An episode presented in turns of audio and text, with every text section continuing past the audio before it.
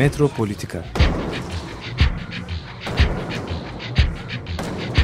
Kent ve kentlilik üzerine tartışmalar. Ben oraya gittiğim zaman balık balık balık balık tutabiliyorum mesela.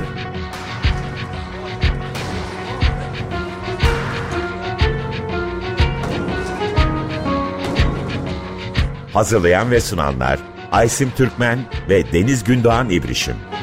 Takusuyor ya. Kolay kolay boşaltamadı. Elektrikçiler terk etmedi Perşembe Pazarı merkezini.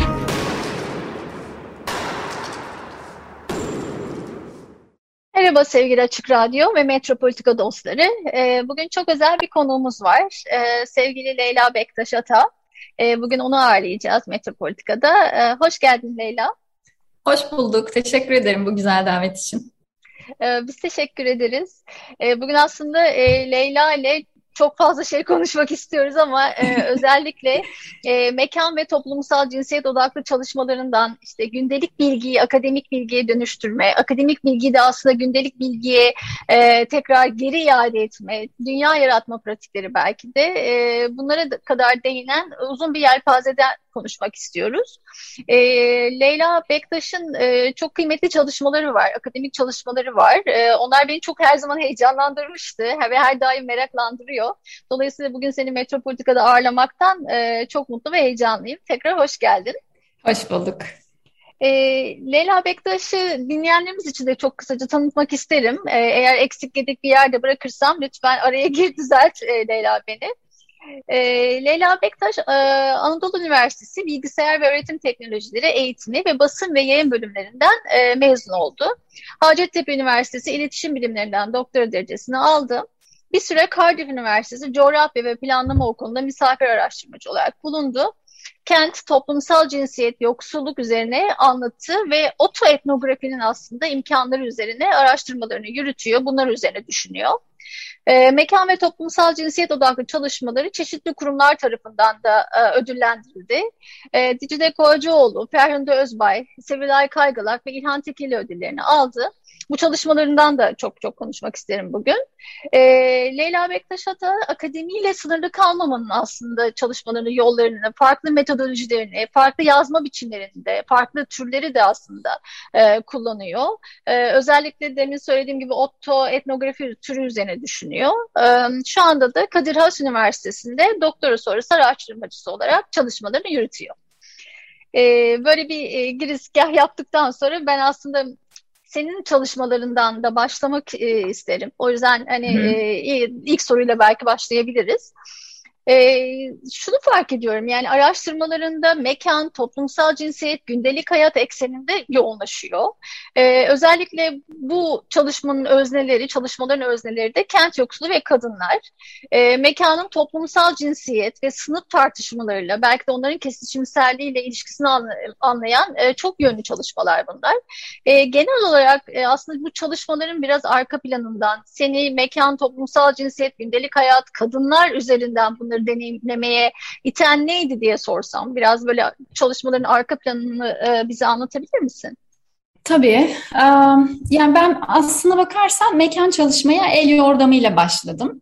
İstanbul'a 2009 yılının sonlarında yerleştim ve e, kentte o kendi yaşadığım yabancılaşmayı anlamak üzere kent pratiklerimde bunu anlamak üzere çalışıp okumaya başladım, okumalar yapmaya. Yüksek lisansımı da bu kapsamda bir tez yazarak tamamladım. Ee, bildiğimiz anlamda bu ilk akademik e, araştırmam e, o dönem iyice yükselmeye başlayan binalarda, yüksek binalarda yaşayan insanların gündelik hayatlarını merak etmemle başladı. Ve o araştırmanın özneleri kent varsıllarıydı tam aksine. Ee, çoğunlukla da rezidans tipi binalarda yaşayan, bu binaların da yüksek katlarında yaşayan insanlarla görüşmeler yapmaya, o evlere konuk olmaya başladım. Ee, sonra ben acaba böyle bir yerde yaşasam gündelik hayatım nasıl değişir diye düşünmeye başladığımda bunun adının otoetnografi olduğunu da bilmiyordum açıkçası. Ee, ve bir güvenlikli site hikayesi adını verdiğim çalışma ortaya çıktı. Ee, Başakşehir'de bir sponsor aracılığıyla bir 14. katta bir daire buldum, oraya taşındım ve orada yaşamaya başladım. E, bunları böyle kısa kısa belki ilk etapta anlatırım. Sonra dilersen açarak ilerleriz. E, şimdi ben oraya taşındığımda böyle 20'lerinin sonunda henüz evlenmemiş, e, e, çalışan bir kadındım. E, kent merkezinde çalışıyordum. Öncesinde Harbiye'de yaşıyordum.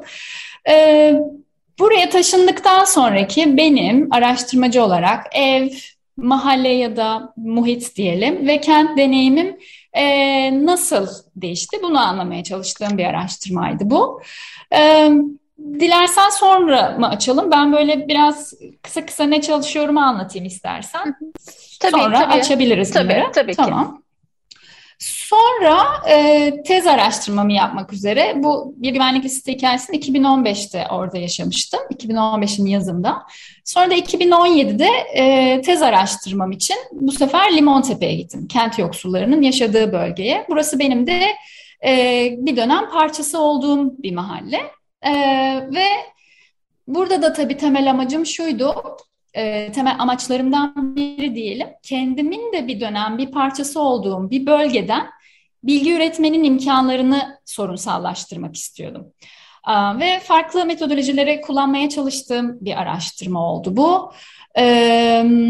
Gece konduluğunun bekleme hali, gece konduda büyümek, yaşamaya devam etmek, nasıl bir mekan deneyimini beraberinde getiriyor. İzmir'in kentsel dönüşümün dönüşüm bölgesi ilan edilen bir yeri Limontepe ve burada yaşayan o iki kuşak insana baktım e, mahallenin kurucusu olan 50'li 60'lı yaşlarındaki birinci kuşak ve benim yaş grubumdaki e, 18-40 yaş aralığındaki ikinci kuşakla e, görüşmeler yaptım. İnsanlar bunu nasıl anlatıyor? Kuşaklar arasında bu nasıl değişiyor? Kadın ve erkeklerin anlatısında bu nasıl değişiyor? Bunu anlamaya çalıştım. Farklı topografyaların etkisi, kuşakların, kadınların, erkeklerin anlatıları gibi böyle kıyaslamalar la ilerleyen bir araştırma ortaya çıktı. Ve bu da tezden sonra e, İdeal Kent Yayınları tarafından e, Limontepe'de yaşamak, büyümek, beklemek, kentsel dönüşüm öncesi bir mahalle anlatısı adıyla kitaplaştı. E, tezi tamamladıktan sonra 2019'da e, tezde öğrendiğim şeylerden birisi, meselelerden e, özellikle birinci kuşak kadınların kent hareketliliğinin bir hali sınırlı olduğuydu. Bu benim kafamda sürekli dönüyordu ama bu tezin sınırları içerisinde bunu çok derinleştirmeye imkan olmayınca e, bu sefer tekrar sahaya gitmek istedim ve e, bir araştırma projesi yazdım. Kent yoksulu kadınların kent hakkını böyle hani incelemeye dair ve o da Ralph Wallenberg Enstitüsü tarafından fonlanınca ben bu sefer tekrar sahaya gitme şansı elde ettim. E, fakat bir farklı bu sefer yanında yönetmen arkadaşım vardı. Elif Miral Oktay. Um, ve tekrar kadınları ziyaret ettik. Ee, şöyle cümleler geçiyordu örneğin um, ilk saha araştırmasında. Ee, sen İzmir'e taşın 20-25 yıl geçsin konağı görme, kemer altını görme. Neden görmüyor bu kadınlar? Yani bunu sadece ekonomik gerekçeleri olamaz. Çünkü e, yoksulluk sınırında yaşayan insanlar değil bu insanlar. Bu önemli bir bilgi diye düşünüyorum. Ama bu insanlar kent yoksulları. Hani böyle bir ayrım var. E, kentin imkanlarına erişmekte sorun, sınır, sınırlılıklar yaşayanlar. Ee, ve kente gece kondudan yani en formel bir bölgeden katılan insanlar. Bunlar tabii onları kent yoksulu yapıyor. Ee, bulundukları bölgenin güvencesizliği, evlerinin güvencesizliği vesaire. Bu sebepleri anlamaya yönelik bir aksiyon alıyorlar mı? Hani bu aşmaya yönelik hani bahsettikleri gerekçeler ne? Onları açığa çıkarmak ve bunu aşmak için bir şey yapıyorlar mı? Ee, kent ne? Kentlilik ne? Ee, bu, bunun gibi sorular vardı aslında sahaya çıkarken aklımda ve isteyip de kent içinde İzmir'de isteyip de göremedikleri, vakit geçiremedikleri yerleri hani birlikte tespit edip beraber vakit geçirdik, gezdik e, diyelim. Elif bu esnada müthiş videolar çekti ve bunlar işte Deutsche Welle Türkçe'de yayınlandı. E, yani hem kentteki hareketlilikleri hani hem de buna ne tür anlamlar atfettiklerini evlerinde konuştuk vesaire. E, ve hani bu kadınların ortak keseni, e, ortak kesen gerekçeler ekonomik kısıtlar ve gece kondulu olma idi. Ama hani tabii informal çalışma şartları, deneyim eksikliği, bundan kaynaklanan kendi için talep etmekten imtina etme hali, mahalle baskısı, çocuk ve şimdi de torun yetiştirirken işte o kurumsal olanaklardan ve destek mekanizmalarından yararlanamama, eşitsiz ev işi yükü ya da evin tüm yükü demeliyim belki. Ve hatta gelecekte e, doğabilecek bütün sorumlulukların, borçların, olasılıkların da ağırlığını kendi gündelik edimlerinde taşımaya devam etmek, evet kadınları kente katılmaktan alıkoyuyordu. Bu, bu tabii bu araştırmayla ortaya çıktı. Bir de belki burada önemli altını çizmek istediğim meselelerden birisi, ben hep bunu merak ederim çünkü, hep buna çok önem veririm. E, bir araştırmacıyla yönetmenin bu sefer sahada olma hali bize ne söylüyor? E, bu evet, enteresan kesinlikle. bir deneyimdi. Yani bunu da ayrıca hani düşünüp konuşmak gerekir ama bunun da üzerine yazmaya çalıştığımız bir metni var. Ee, hani bu da o metodolojik olarak bize ne söyledi ee, tekrar konuşmak gerekir ayrıca. E şimdi de Kadir Has Üniversitesi'nde bir TÜBİTAK projesinde, BİM1 projesinde çalışıyoruz ve e, elektrikli ev aletlerinin toplumsal tarihini kadınların gündelik yaşamlarındaki modernleşme tecrübesi üzerinden anlamaya çalışıyoruz. Ee, yani yine iş dönüyor dolaşıyor kadınlara, sınıfa e, ve mekana geliyor günün sonunda. E, bu bir e, şimdi ilk yılımızı tamamladık. Arşiv çalışmamız bitti gibi. Şimdi sözlü tarih e, görüşmeleri başlayacak. E, ve burada hani tabii ki bizim mekanımız kaçınılmaz olarak ev. Ee, ama tabii bu ev kentin neresinde? Yani ne tip tabii. bir ev vesaire. Bunlar çok tabii ki bambaşka hikayeler anlatıyor. Ee, belki küçük bir e, örnek vererek başlamak iyi olabilir. Şimdi bu projeyle ilgili henüz bir yerlerde konuşmaya başlamadığımız için çok heyecanlıyım ben anlatmak çok, istiyorum. Çok harika. Tabii ki. diye bir şeydeyim yani. E, konuşma isteğindeyim galiba. E, mesela bir örnek vermek isterim burada. İşte mesela 1950-60'larda e, Türkiye'ye reklamlara baktığımızda Türkiye'deki elektrikli ev aletlerinin çeşitlenmeye başladığını görüyoruz o dönemde. Ve hani kadınların hayatını kolaylaştırdığı iddiasıyla. Peki hangi kadınların diye sorduğumuzda da işin sınıfsal yönü açığa çıkıyor ve tabii ki farklı toplumsal dinamikleri de göz önünde bulundurarak buna cevap vermek mümkün. Mesela bu dönem tabii köyden kente göçün hızlandığı bir dönem, apartmanlaşmanın hızlandığı bir dönem ama e, örneğin apartmanların e, o inşası sırasında mutfakların küçük, karanlık, apartman boşluğuna bakan yerlere inşa edildiği bir dönem hani birçok orta üst sınıf apartman dairesinde bile durum çok değişmiyor. Hani bu aletleri alıp nereye koyacağız sorusunun bir cevabı yok. Buzdolabını bile mutfağa sığdıramadığımız zamanlar. E, şimdi bu aletlerin tabii hedef kitlesi orta orta üst sınıf kadınlar ama bu kadınlar için örneğin güvencesiz kadın emeği bu göç sayesinde o kadar ucuz ki bu cihazları satın almaya gerek yok. E, çünkü onlar kullanmayacak zaten. E, e, ve hani hala da pahalı yurt dışından geldiği için tabii ki. Tabii ki gündelikçi istihdam ediliyor vesaire. E, bir başka mesele de mesela gece kondu bölgelerine baktığımızda bugün bildiğimiz anlamda mutfakların ne zaman ortaya çıktı çok e, hani şey muğlak bir mevzu ve Hani benim Limontepe araştırmasına dönüp söyleyebileceğim şey şu ki, örneğin orası 1970'lerin sonunda kurulsa da bugün bildiğimiz anlamda bir mutfak kadınlar için 2000'lerin başında mümkün oluyor.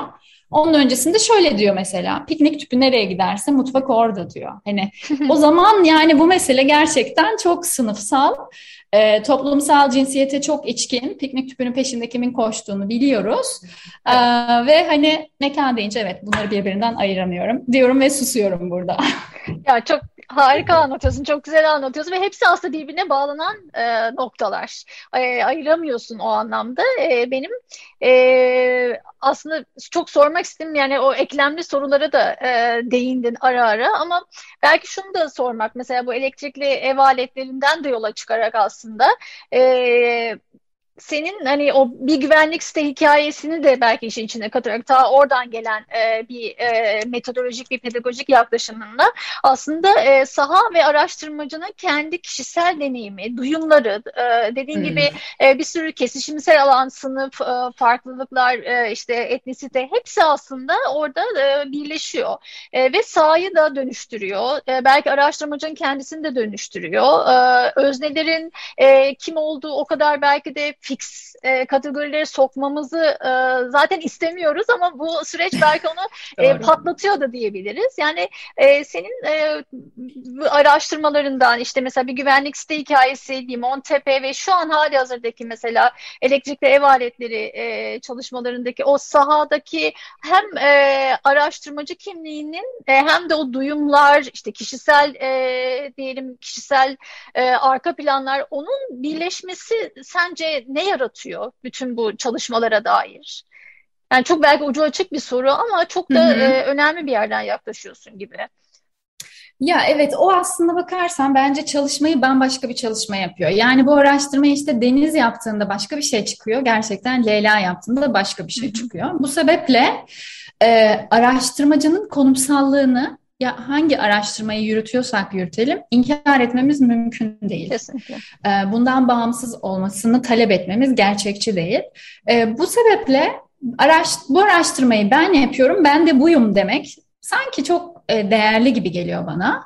E, mesela ben örneğin bu bir güvenlik liste hikayesinde çekerek yanıtlamaya çalışsam ilk etapta bunu şunu söyleyebilirim. Ee, o zaman işte 28 yaşında bekar bir kadınım. Um, örneğin orada çocuk parkında bulunuşum biraz sorunlu oluyordu o esnada. Yani neden orada oturup vakit geçirdiğimi çok fazla meşrulaştıramıyor gibiydim. Ee, Şimdi o zamanki Leyla'nın yaptığı araştırmanın ortaya çıkardığı verilerle örneğin bugün evli işte bir buçuk yaşındaki kızıyla örneğin oraya taşınıp aynı şekilde yaşamaya başlayan e, Leyla'nın e, ortaya çıkaracakları işte gündelik yaşamdan doneler diyelim ciddi anlamda farklılıklar taşıyacaktır. Hani hem sınıfsal konumu değişen hem işte evlilik, çocuk vesaire gibi durumlar. Çünkü Leyla'nın kentten beklentilerini de değiştiriyor. Yani bir mekandan beklentilerini değiştiriyor. İşte o güvenlik algısı bir dönem çok komik bulunurken belki şimdi çocuğun için isteyebileceğim bir şeye dönüşebiliyor. Bu sebeple bu çok şey hmm, benden ve o an içinde bulunduğum durumdan bağımsız değil. Bir yandan da bu feminist araştırmaların uzun hani yani karşı çıktığı o hijyenik araştırma meselesi var ya hani nötr olma evet. falan. Buna karşı çıkmanın bir yolu gibi geliyor bana ve bir şekilde benim araştırmalarımın içine hani otoetnografi giriyor gibi geliyor ya da ben ben belki araştırmalarımı oradan doğru bulabiliyorum gibi. Ya da mesela şimdi mutfak araştırmasına baktığımda meselenin sınıf yönünü bir şekilde bunu Limontepe en azından onun sahasının bilgisine sahip olduğum için oraya bağlamadan düşünmem sanki çok çok söz konusu olmuyor gibi geliyor. E, bu sebeple zaten neden ayrıştıralım? Hani bu bir e, tabii ki durum, bir önemli bir durum ama um, yani ben mesela burada şunu açıklayabilirim sanki. Ben sahayı nasıl tanımlıyorum, sahayla nasıl ilişkileniyorum, saha dediğim şey ne? Biraz belki bundan bahsetsem e, bütün araştırmaları da kesen hani bir yere varabilirim gibi e, geliyor. E, şimdi araştırma sahası e, denen e, düzlem aslında benim için sınırları e, çok belirgin bir düzlem değil. Ee, saha bende başlayan ama benden de ibaret olmayan yani benimle sınırlı olmayan ve farklı düzlemlere uzanan ama günün sonunda yine bana dönen bir forma sahip. Ee, bu sebeple hani keskin bir bende şey yok hani sahaya inme, sahada olma ayrımı yapamıyorum. Ee, mesela bunu 2015'te o güvenlik listede yaşarken böyle kavramsallaştıramıyordum açıkçası. Çünkü çok el yordamıyla ilerleyen bir çalışmaydı o ve yaptığım şeyin otoetnografi olduğunu yaparken anladığım bir meseleydi.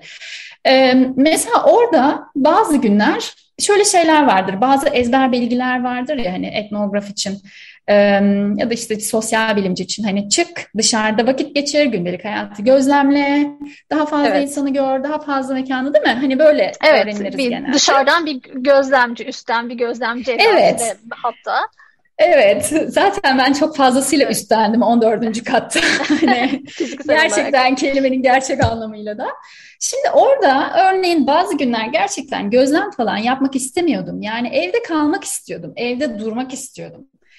Ama kendimi dışarı çıkmaya zorluyordum. Şimdi bu çok çelişik bir durum e, bir yandan. Çünkü yine kendimi sanki ayırmaya çalışıyorum sahadan. Yani saha sanki ortak alanlar Ee, ve ben oraya dahil olmalıyım gibi.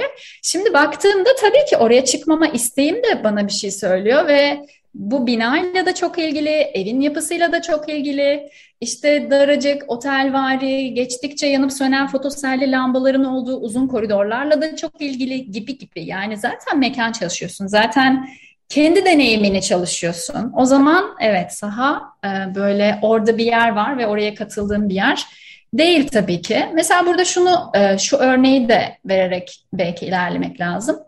Ee, hani güvenlikli siteyle ilgili şunu söylemek isterim mesela. İlk oraya taşındığımda Başakşehir'e e, çevre yolunun kenarından ilk gidiyorum yani. E, çevre yolunun kenarında bir güvenlikli site burası ve bir kaldırım yok, yaya yolu yok. Çünkü yani tahmin edeceğin üzere bu tür yeni yapılan yerler e, hep otomobil eksenli. Hani bir insanın toplu ulaşım kullanılmaz, kullanması, yürümesi, insan olma sınırları ve pratiklerine dair hani tahayyüller genelde törpüleniyor. E, yürürken e, sürekli bir şekilde hani yanımdan tabii tırlar, kamyonlar bir şeyler geçiyor, bir takım araçlar ve sürekli korna çalınıyor. Şoförler kafalarını uzatıyor, laf atıyor küfür ediyor. İnanılır gibi değil ama evet bunlar yaşanıyor. Sonra o günün akşamı ben kendi günlüğüme yaz, hani yazıyorum işte notlar alıyorum falan. Şöyle bir şey yazıyorum oraya. Diyorum ki bundan sonra eğer o yoldan yürüyeceksem ne giydiğime dikkat etmem lazım. Ya acaba ne giymiştim o gün diye dönüp kendime bakıyorum. Yani e, bu çok nasıl diyelim? Tabii ki orada ben e, her gün sokağa çıkarken e, başına bir şey gelebileceği ihtimaliyle yetiştirilen bir kadınım. Ee, e, ve her gün bununla ilgili medyada hani onlarca haber ve yorum okuyorum ve felaket haberleriyle karşılaşıyorum. Günün sonunda bu meselelere çok açık bir zihne sahip olduğumu düşünsem de kendimi ve kendi bedenimi sorguluyorum ve sanki sorun bendeymiş gibi yaklaşıyorum ister istemez. Çünkü evet ben bu toplumda büyüyorum ve bu pratiklerle araştırma yapıyorum zaten. Hani bu bu biraz çelişik ama kaçınılmaz olarak böyle olmuş bir durum hani. Ve ben orada araştırmacı olarak o ön yargılarımla, değerlerimle, korktuğum an verdiğim tepkilerle oradayım diyerek belki hani noktalamam iyi olur burada durayım. Yani her şeyini aslında katıyorsun. Dediğin gibi yani içselleştirdiğimiz belki o bütün o toplumsal cinsiyet kurgularını, kültürel kodlarını ne kadar hani e, bağımsız bir hani tahayyülle orayı e, tekrar düşünmek istesen de e, aslında bütün o kültürel şeylerle birlikte oradasın. Bu benim aklıma çok sevdiğim, benim de çok sevdiğim Ruth Behar vardır mesela. Onun The Vulnerable Observer, Türkçe'ye nasıl çeviririz onu? Kırılgan Yoldan, belki yani gözlemci, gözlemci. gibi. E, o da Behar da bir antropolog ve aslında antropolog olarak etnografi ve günce türünü kesiştirerek hem etnografinin sınırlarını hem de o türün sınırlarını çok genişletiyor.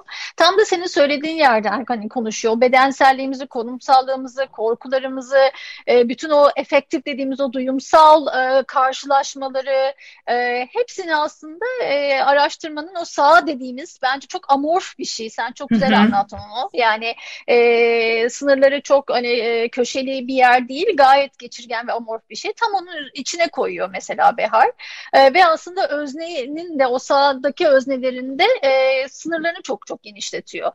Ya buradan belki şey senin bütün bu anlattıkların e, bana birazcık türü de nasıl algıladığın hakkında biraz ipucu veriyor. Yani etnografi e, çok kısa bahsetti ama yani belki biraz daha arka planını e, merak edersek yani etnografi geçen zamanlarda nasıl bir şeydi? Nasıl algılanıyordu? İşte Türkiye'de nasıl algılanıyordu? Belki biraz dünya örneklerinde nasıl algılanıyordu? Ve şimdi bu bedensellik ve konumsallık hikayeleriyle araştırmacının bütün kişiselliğiyle orada olmasıyla birlikte sence nerede duruyor mesela? E, ve hani e, bunu nasıl e, daha farklı yerlere çarpabiliriz diye böyle ben de çok ucu açık soru soruyorum belki ama hani senin anlattıkların hep bana bunları çağrıştırdı. Ben en son getirdiğin noktayı aslında bana daha yakın buluyorum. Yani bugün geldiği noktada evet yani araştırmacının bedenselliği, e, duyumları, işte o sezgileri bile e, bana kalırsa araştırma verisine dönüşebilecek e, bir potansiyele sahip. Çünkü e, bunları törpülediğimizde, bunları ortadan kaldırdığımızda elimizde o kadar kuru bilgi, metin, gözlem notları kalıyor ki aslında bunu bizim bir yere bağlamamız ve teorize edebilmemiz çok da mümkün hale gelmiyor gibi. Ee, yani artık birçok şey konuşuluyor. Yani örneğin yürürken yapılan metodolojilerden bahsediliyor. Etnografiyi Kesinlikle. bu şekilde yapmanın kendisi. işte o mobil, hareketli metodolojiler. Belki buna değiniriz yine. Ee, ben biraz daha e, etnografiyi, tabii etnografi bir teknik olarak değil de bayağı metodoloji, bir epistemolojiyle güçlü bağı olan daha üst bir çatı olarak tabii ki ele alıyorum ve e, örneğin bu Limontepe araştırmasında yani etnografiyle zaten otoetnografi birbirinden çok ayıramıyorum. Hani çok çok ayrılabildiğini de sanmıyorum. Zaten etnografi yaparken de kendi notlarımız, işte alan notlarımız, yazdığımız günlükler vesaireyi zaten açıyoruz. Yani bu sebeple bunları çok ayırabildiğimi söyleyemem. E, Limontepe araştırmasında otoetnografiden yararlandığımı söylememin sebebi, özellikle belirtmemin sebebi kendi yaşam deneyimimi, yani orada bir dönem yaşamış olmamın bilgisini e, mevcut veriyi yorumlarken kullanıyor olmamla ilişkiliydi. E, fakat mesela orada yaşam öyküleri de dinlemiştim e, ve e, yaşam öykülerinin de etnografik bir araştırmaya şöyle bir katkısı olduğunu düşünüyorum. E, gözlemlediğimiz grupların diyelim e, bugün neden böyle davrandığını anlayabilmenin arka plan bilgisini veriyor gibi geliyor bana. Yani geçtiği yolları e, hayat öyküsünden dinleyip toparlamak ve bununla birlikte tekrar o kişiye e, ve onun mekanı kurma pratiklerine bakmak daha derinlikli bir bilgiye alan açıyor gibi geliyor bana. E, ve o sebeple hmm, hani o benim için çok güçlendiriciydi. Örneğin e, orası benim de kısmen artık kısmen diyorum çünkü oradan taşındıktan 12-13 yıl sonra tekrar oraya gitmiştim araştırma yapmaya. Farklı bir sınıfsallık, eğitim durumu ve hani e, uzun süredir orada olmayan birisi olarak yaşamayan e, ve bildiğini sandığın kişileri de çok bilmediğini bu yaşam öykülerini dinlediğinde anlayıp bugünkü işte o örneğin bekleme halini işte dönüşümü bekleme, yıkımı bekleme vesaire hani oradaki mekanla ilişkilerini anlamayı daha derinleştiriyor gibi geldi bana. Ya da başka neler yapabiliriz etnografik bilgiyi de kuvvetlendirmek, güçlendirmek için dediğimizde örneğin burası kenarın bilgisi yani kentin kenarı e, aslında çok merkez, e, kent merkezine çok yakın ama e, en formal olmasından dolayı kenar. E, bu Asef Bayat'ın söylediği bir şeydi sanırım. E, metropol kentlerde işte bu kenar çevre ilişkisi çok hani şeydir, geçişkendir. Çok hızlı değişir nerenin değil mi? Nerenin çevre, evet. nerenin kenar evet. olduğu. Bunu ben Limontepe'de çok iyi gözlemledim. Gerçekten de hani öyleydi. E, bir dönemki halini bildiğim için şimdi şehre artık çok yakın oldu geçen yollarla vesaire ve çok gözde bir bölge haline geldiği için el değiştirme ve hani o soylulaşma pratiğinin eşiğinde bir yer. Mesela buranın bilgisine de sahip olamadığımız için resmi anlamda kurumlar düzeyinde, kent arşivinde vesaire böyle bir yerin bilgisini etnografiden ve yaşam öykülerinden doğru toparlamak dışında elimizde fazla bir seçenek yok. E çünkü kent arşivi size yok yani. Hani böyle bir bölgeden bahsetmiyor. Burada mesela aile albümleri örneğin önemli bir kapı açan bir e, bir alan açtı. E, bu vesileyle bölgenin eski fotoğraflarına olabildiğince erişebilmiş olduk. Fotoğraflar üzerinden konuşmaya, anlatmaya ve hani o mekanın bilgisini açmaya çalıştık vesaire. E, bunları hani o anlamda değerli buluyorum. Ama tabii burada şunu özellikle belirtmek lazım. Yani bu tek tek tek hikayeler, bireysel hikayeler, bir de hani o tırnak içinde onu özellikle baskılayarak söylüyorum. E, toplumsalı anlamak için bize nasıl bir kapı açıyor? Önemli bir soru diye düşünüyorum ve um, burada olabildiğince fazla yaşam öyküsü dinlemenin örneğin o etnografik veriyi de güçlendirdiğini ve hani o mikro mikro mikro bir sürü tekil bireyin hikayesinden bir tabii ki bir en üst anlatı, büyük anlatılardan bahsetmiyorum ama olabildiğince soyutlanan bireylerin e, çeşitliliğini ve zenginliğini yansıtan ama e, bölgenin de tarihine eklemlenebilen bir veriyi ortaya çıkarmada önemli olduğunu düşünüyorum esasında. Hani bu sebeple e, her bir hikayeden e, günün sonunda dönemin politik yapısını, toplumsal ve kültürel yapısını anlamak için önemli e, çıkarımlar ortaya hani çıkıyordu. E, ve hani o anlamda etnografi benim için günün sonunda şöyle bir e, düzleme taşınmış oluyor. Hani böyle formal olanla informal olan, a, bireysel olanla toplumsal olan, saha olan, sahada olanla saha dışında olanın birbirine e, yani o sınırların bulanıklaştığı bir metodoloji bana kalırsa e, ve çok ayırmaya da çalışmıyordum aslına bakarsan. Ee, ve hani günün sonunda o günlüğüme yazdığım not o gün yaptığım görüşmeden daha az değerli değildi. Ben hiçbir etnografın da, da aksini iddia ettiğini düşünmüyorum aslında edeceğini. Ee, böyle yani etnografi olabildiğince başka metotlarla da desteklen, desteklendiğinde sanki daha da güçleniyor gibi ve bugünün bilgisi daha iyi açığa çıkıyor sanki. Evet sanırım kuvveti çok güzel anlattın. Tam da kuvveti burada sanırım ve hani diğer e, farklı e, metodolojileri de çok rahat e, bir şekilde değiyor, temas ediyor. Mesela benim aklıma hani seninle birlikte sessiz düşünüyorum şu an ama e, mesela ben hani edebiyat okumasaydım, bütün eğitim hayatını edebiyat üzerinde kurmasaydım sanırım sosyal antropolog olurdum diyorum. Çünkü e, o etnografinin size verdiği e, o e, tam da size demin senin söylediğin o sahanın e, ve öznelerin geçirgenliği birbirine temas ettiği noktaları aslında edebiyatta da çok hissediyoruz. Ve ben doktora süreci boyunca e, Washington Üniversitesi Amerika'da etnografi ve edebiyat e, odaklı çok 2-3 ders aldım. E, ve aslında işte gündeliğin e, hayat yani gündelik hayatın e, o şeyi etnografisi o sahanın e, senin tam konuştuğun yerden e, bir şekilde e, anlamlandırılması aslında edebiyata o kadar yakın duruyor ki. Çünkü e, yani biz ne diyoruz genelde hani ben öğrencilerim de aynı şeyi söylüyorum. İşte teoriden metne değil metinden teoriye gideceksiniz. Yani metin aslında size e, bambaşka şeyler söylüyor ve metinden çıkıyor aslında her şey. Yani e, işte Ahmet Hamdi Tanpınar'ı okursanız, okurken, e, Bilge Karasu'yu okurken aslında e, bambaşka bir şeyler çıkıyor ve oradan biz belki teoriye doğru gidiyoruz, yelken açıyoruz. İşte sanki sağdan, sağının bize öğrettikleriyle o sağ artık her neyse senin de söylediğin gibi, çok güzel tarif ettiğin gibi oradan çıkan bir şey oluyor gibi geliyor bana. Ve ben bunu özellikle e, kendi mesela edebiyat derslerimde de şöyle bir e, şekilde deneyimliyorum. Çok ayrı belki e, kategoriler ama bence teyit birbirine çok e, temas da ediyor bir anlamda. E, mesela hani travma çalışıyorum. İşte e, travma ve toplumsal cinsiyet hani edebi metinlerde çalışıyorum.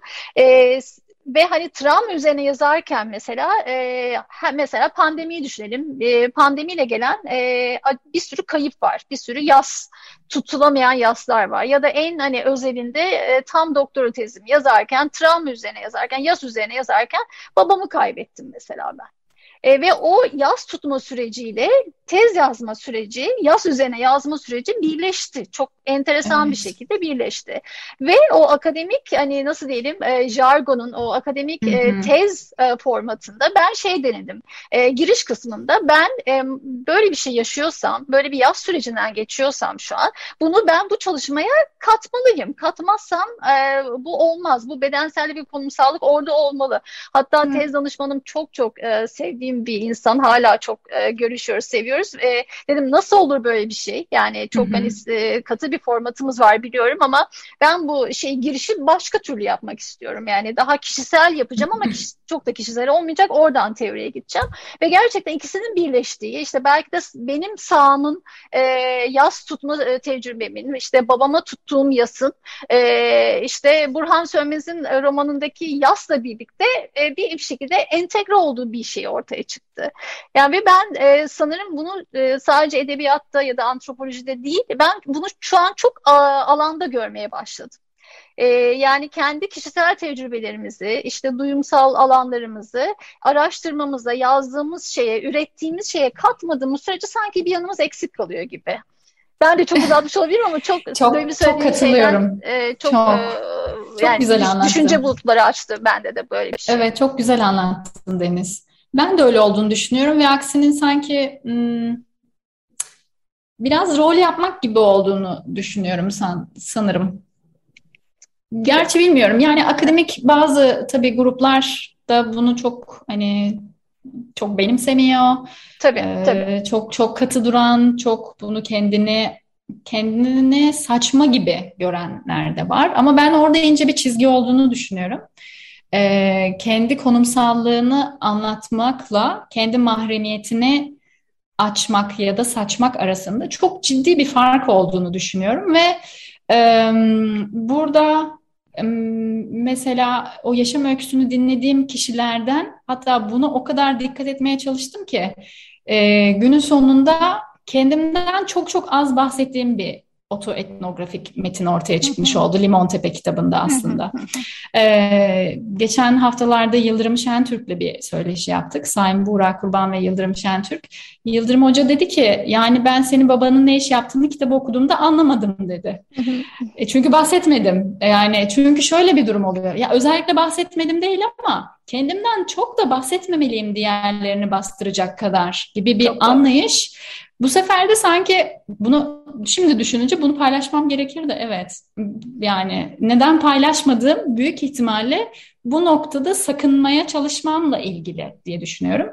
Ve burada bir denge var bence. Ee, bu az önce bahsettiğim işte o saha, saha dışı vesairenin e, senin verdiğin örnekte de gördüğümüz gibi hani bu kadar bulanıklaşması sahayı da bütünüyle ortadan kaldıran ve gününde yok yere giden günün sonunda bir şey değil yani bahsetmeye çalıştım. Burada belki tekrar altını çizmekte fayda var.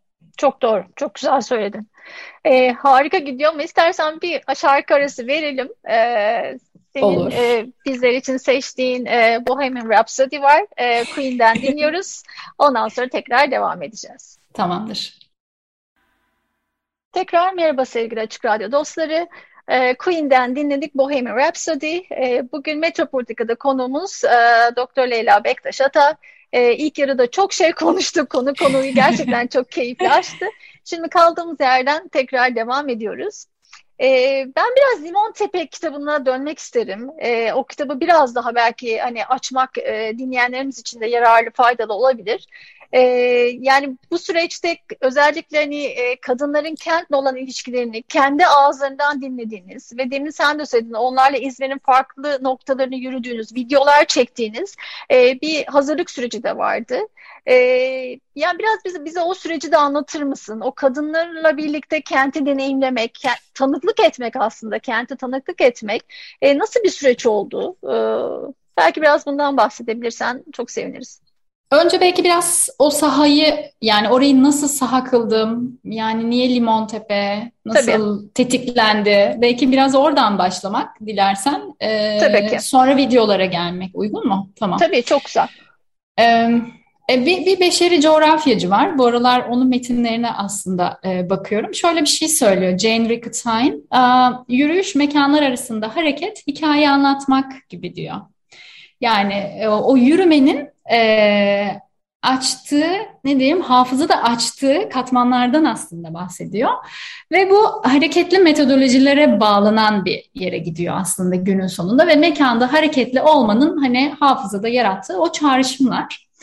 Şimdi ben e, ilk Limontepe'ye bu bağlamda 2016'nın sonunda gittiğimde ve kuzenlerimle mahallede bir yürüyüş yaptığımızda e, ve çocukluk ve ilk gençlik anılarımız üzerinden sohbet ederken ben tabii bu hareketli metodolojilerden de bu beşeri coğrafyacının bu sözünden falan da habersizdim tabii.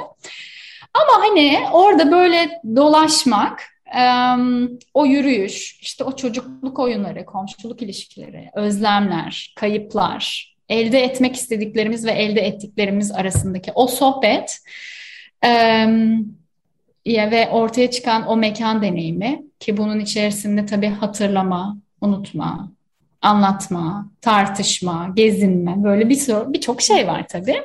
Bütün bu hani bedensel ve e, zihinsel olarak orada olma hali tamamen o mekanda ama mekanın illa da bugününde değil. Hani o geçmişten bugüne o mekanda gezinme hali ee, sanıyorum bölgeye tam anlamıyla temas etmeme izin verdi ve az önce sen bahsettin ya metodoloji metinden çıksın dedin ya. Hani burada da metodoloji sahadan çıktı.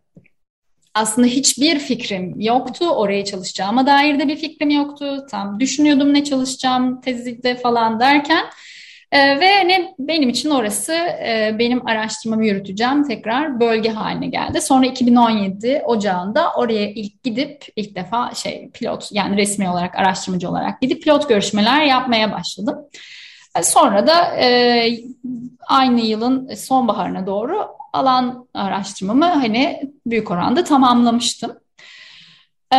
Burada neye baktığımı belki kısaca tekrar dile getirmek önemli olabilir. Hani burada birinci kuşağın göç basamaklarına bakıyordum yaşam öykülerini dinlerken. Ve sonra ben onu şöyle kavramsallaştırdım. Göçmen, sakin, dönüşüm sonrasında da yolcu. Kentin neresine gideceği belirsiz. Çünkü büyük oranda orada kalamayacak. Ekonomik olarak bunu karşılayamayacağı için. Hani onların mahalle kurma hikayelerini, devlet ve diğer kurumlarla karşılaşmalarını, geliştirdikleri taktiklerini, çocuklarını büyütüşlerini vesaire bunları dinliyordum, e, dinledim. İkinci kuşağa baktığımda ise kentin kenarında büyüme, işte eğitim alma, iş piyasalarına katılma, ondan sonra mahallede kendilerini misafir olarak konumlandırma. Çünkü oradan gideceği düşüncesi hep var. Git yani yıllardır orada yaşasa, evlenip orada kalmış olsa bile.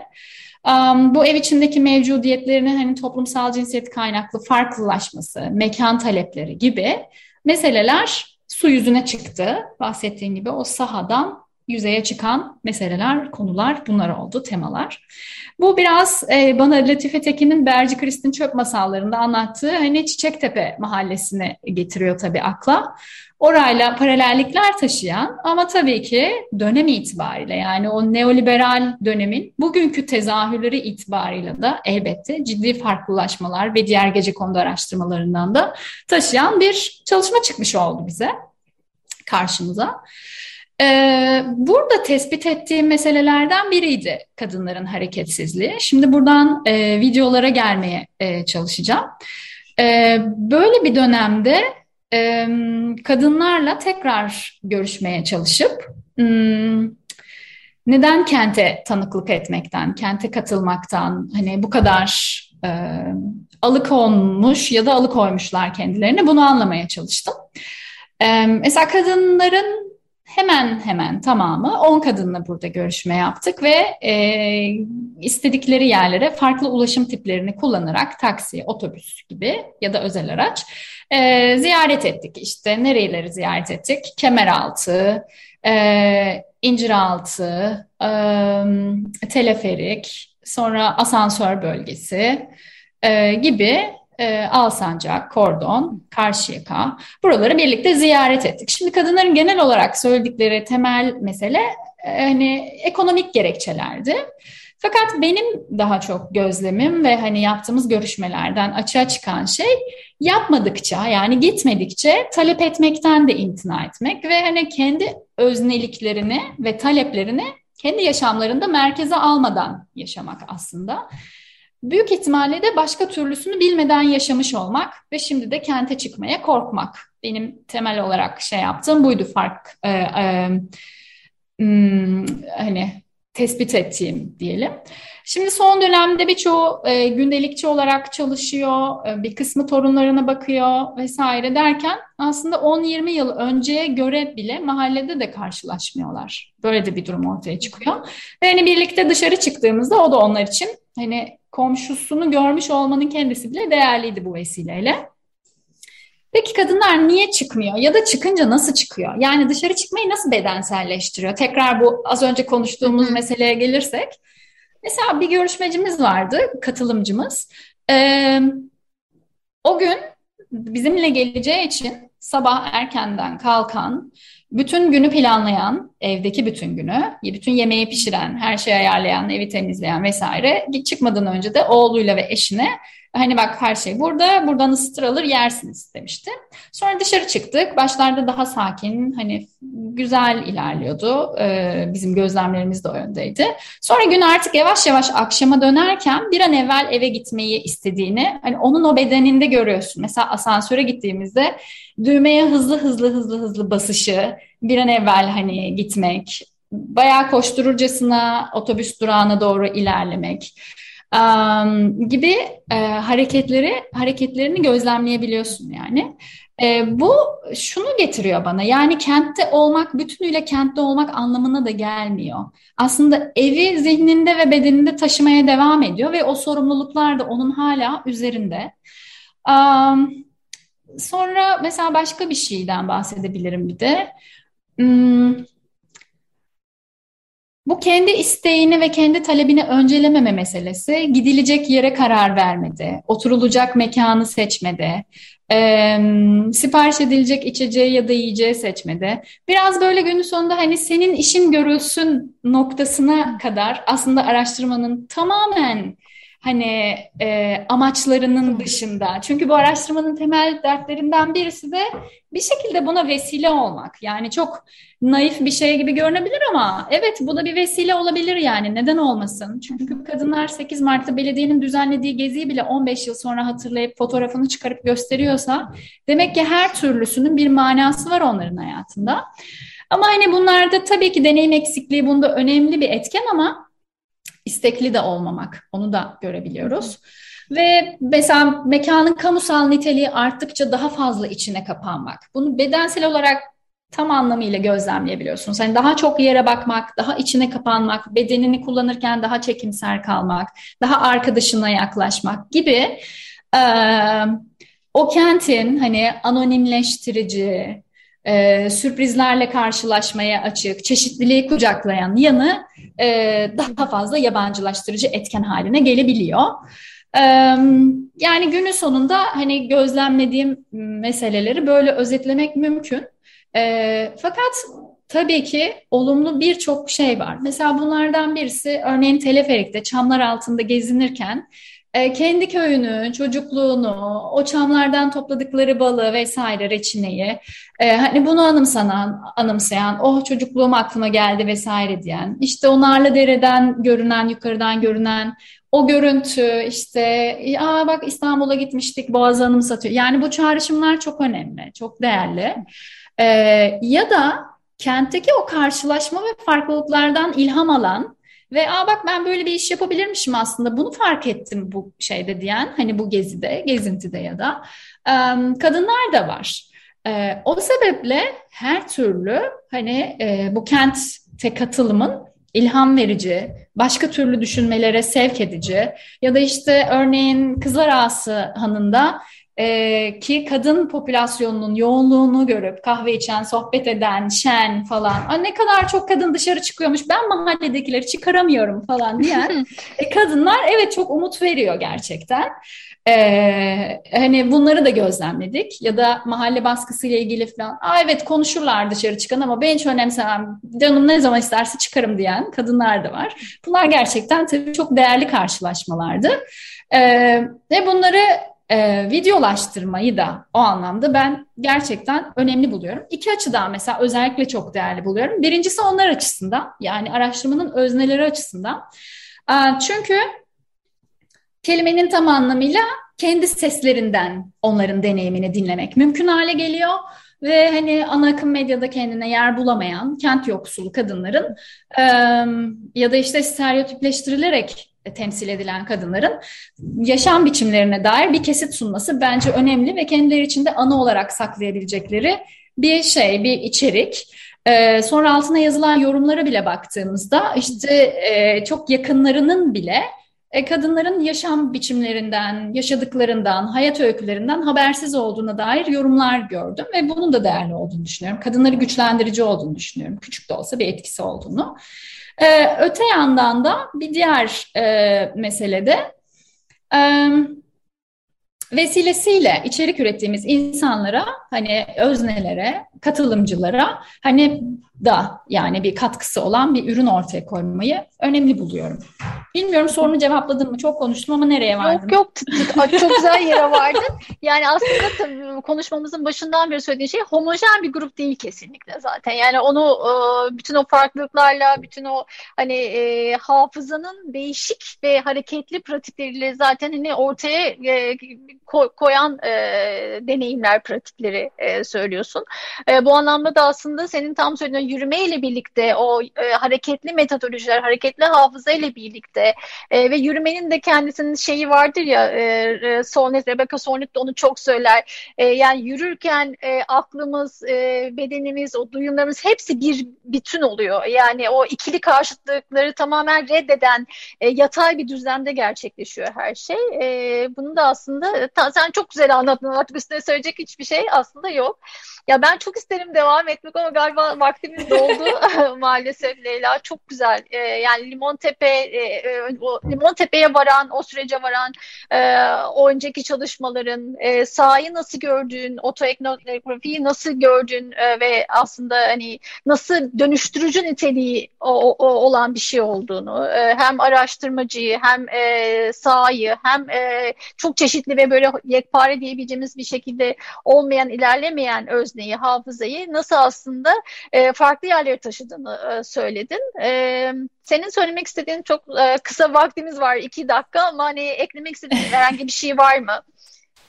E, eklemek istediğim e, şey söyleyebilirim belki sadece. Farklı mecralar için içerik üretmenin önemli olduğunu söyleyebilirim. Ee, sadece akademiyle sınırlı kalmamanın ama akademi içinde de farklı yazma biçimlerini denemenin ve akademik yazının imkanlarını genişletmenin değerli olduğunu düşünüyorum. Um, böylece herkes için, her eğitim ve sınıftan insan için, her eğitim seviyesinden ve sınıftan insan için anlaşılır metinler ortaya koymanın e, ve anlaşılır içerikler üretmenin ve akademik bilgi üretmenin de değerli olduğunu düşünüyorum. O sebeple özgün yazma biçimlerini denemek için illa akademi dışı metinler üretmek gerekmediğini ama bunların da önemsiz olmadığını asla ki ben de hep farklı mecralar içinde içerik üretmeye çalışırım olabildiğince. Böyle yazının gücünü hatırlatmak isterim. Belki böyle sonlandırabilirim söyleyeceklerimi. Çok çok e, çok önemli bir şey söyledim. Bu ayrı aslında keşke konuşsak uzun. E, çünkü e, sadece akademik değil ve akademik alanda değil aslında hani bütün işte o eşitlik ve kapsayıcılık dediğimiz farklı alanlara dokunan, hı hı. E, farklılıklara saygıyı da içeren e, türün genişletilmesi aslında. E, belki akademinin de yazımızın da hani çok ihtiyacı olduğu e, alanlar şeyler diye düşünüyorum. Çok çok teşekkürler. Ağzına sağlık, emeğine sağlık. Gerçekten ben teşekkür ederim. çok keyifli oldu. Ee, yani umarım başka çalışmaların e, sebebiyle vasıtasıyla da seni tekrar ağırlamak isteriz. Ee, belki hani e, bu e, elektrikli ev aletleri benim kafamda yer etti. E, belki onun hakkında da konuşmak ve ondan sonraki projelerin hakkında da tekrar çalıştığım konular hakkında da konuşmak için e, Metropolitika her zaman kapısı açık diyeyim. Çok teşekkür ederim. Eksik olmayın. Sağ olun. Çok sağ olun. Ee, sevgili Açık Radyo dinleyenleri bu hafta bu kadar. Haftaya tekrar görüşmek üzere. Hoşçakalın.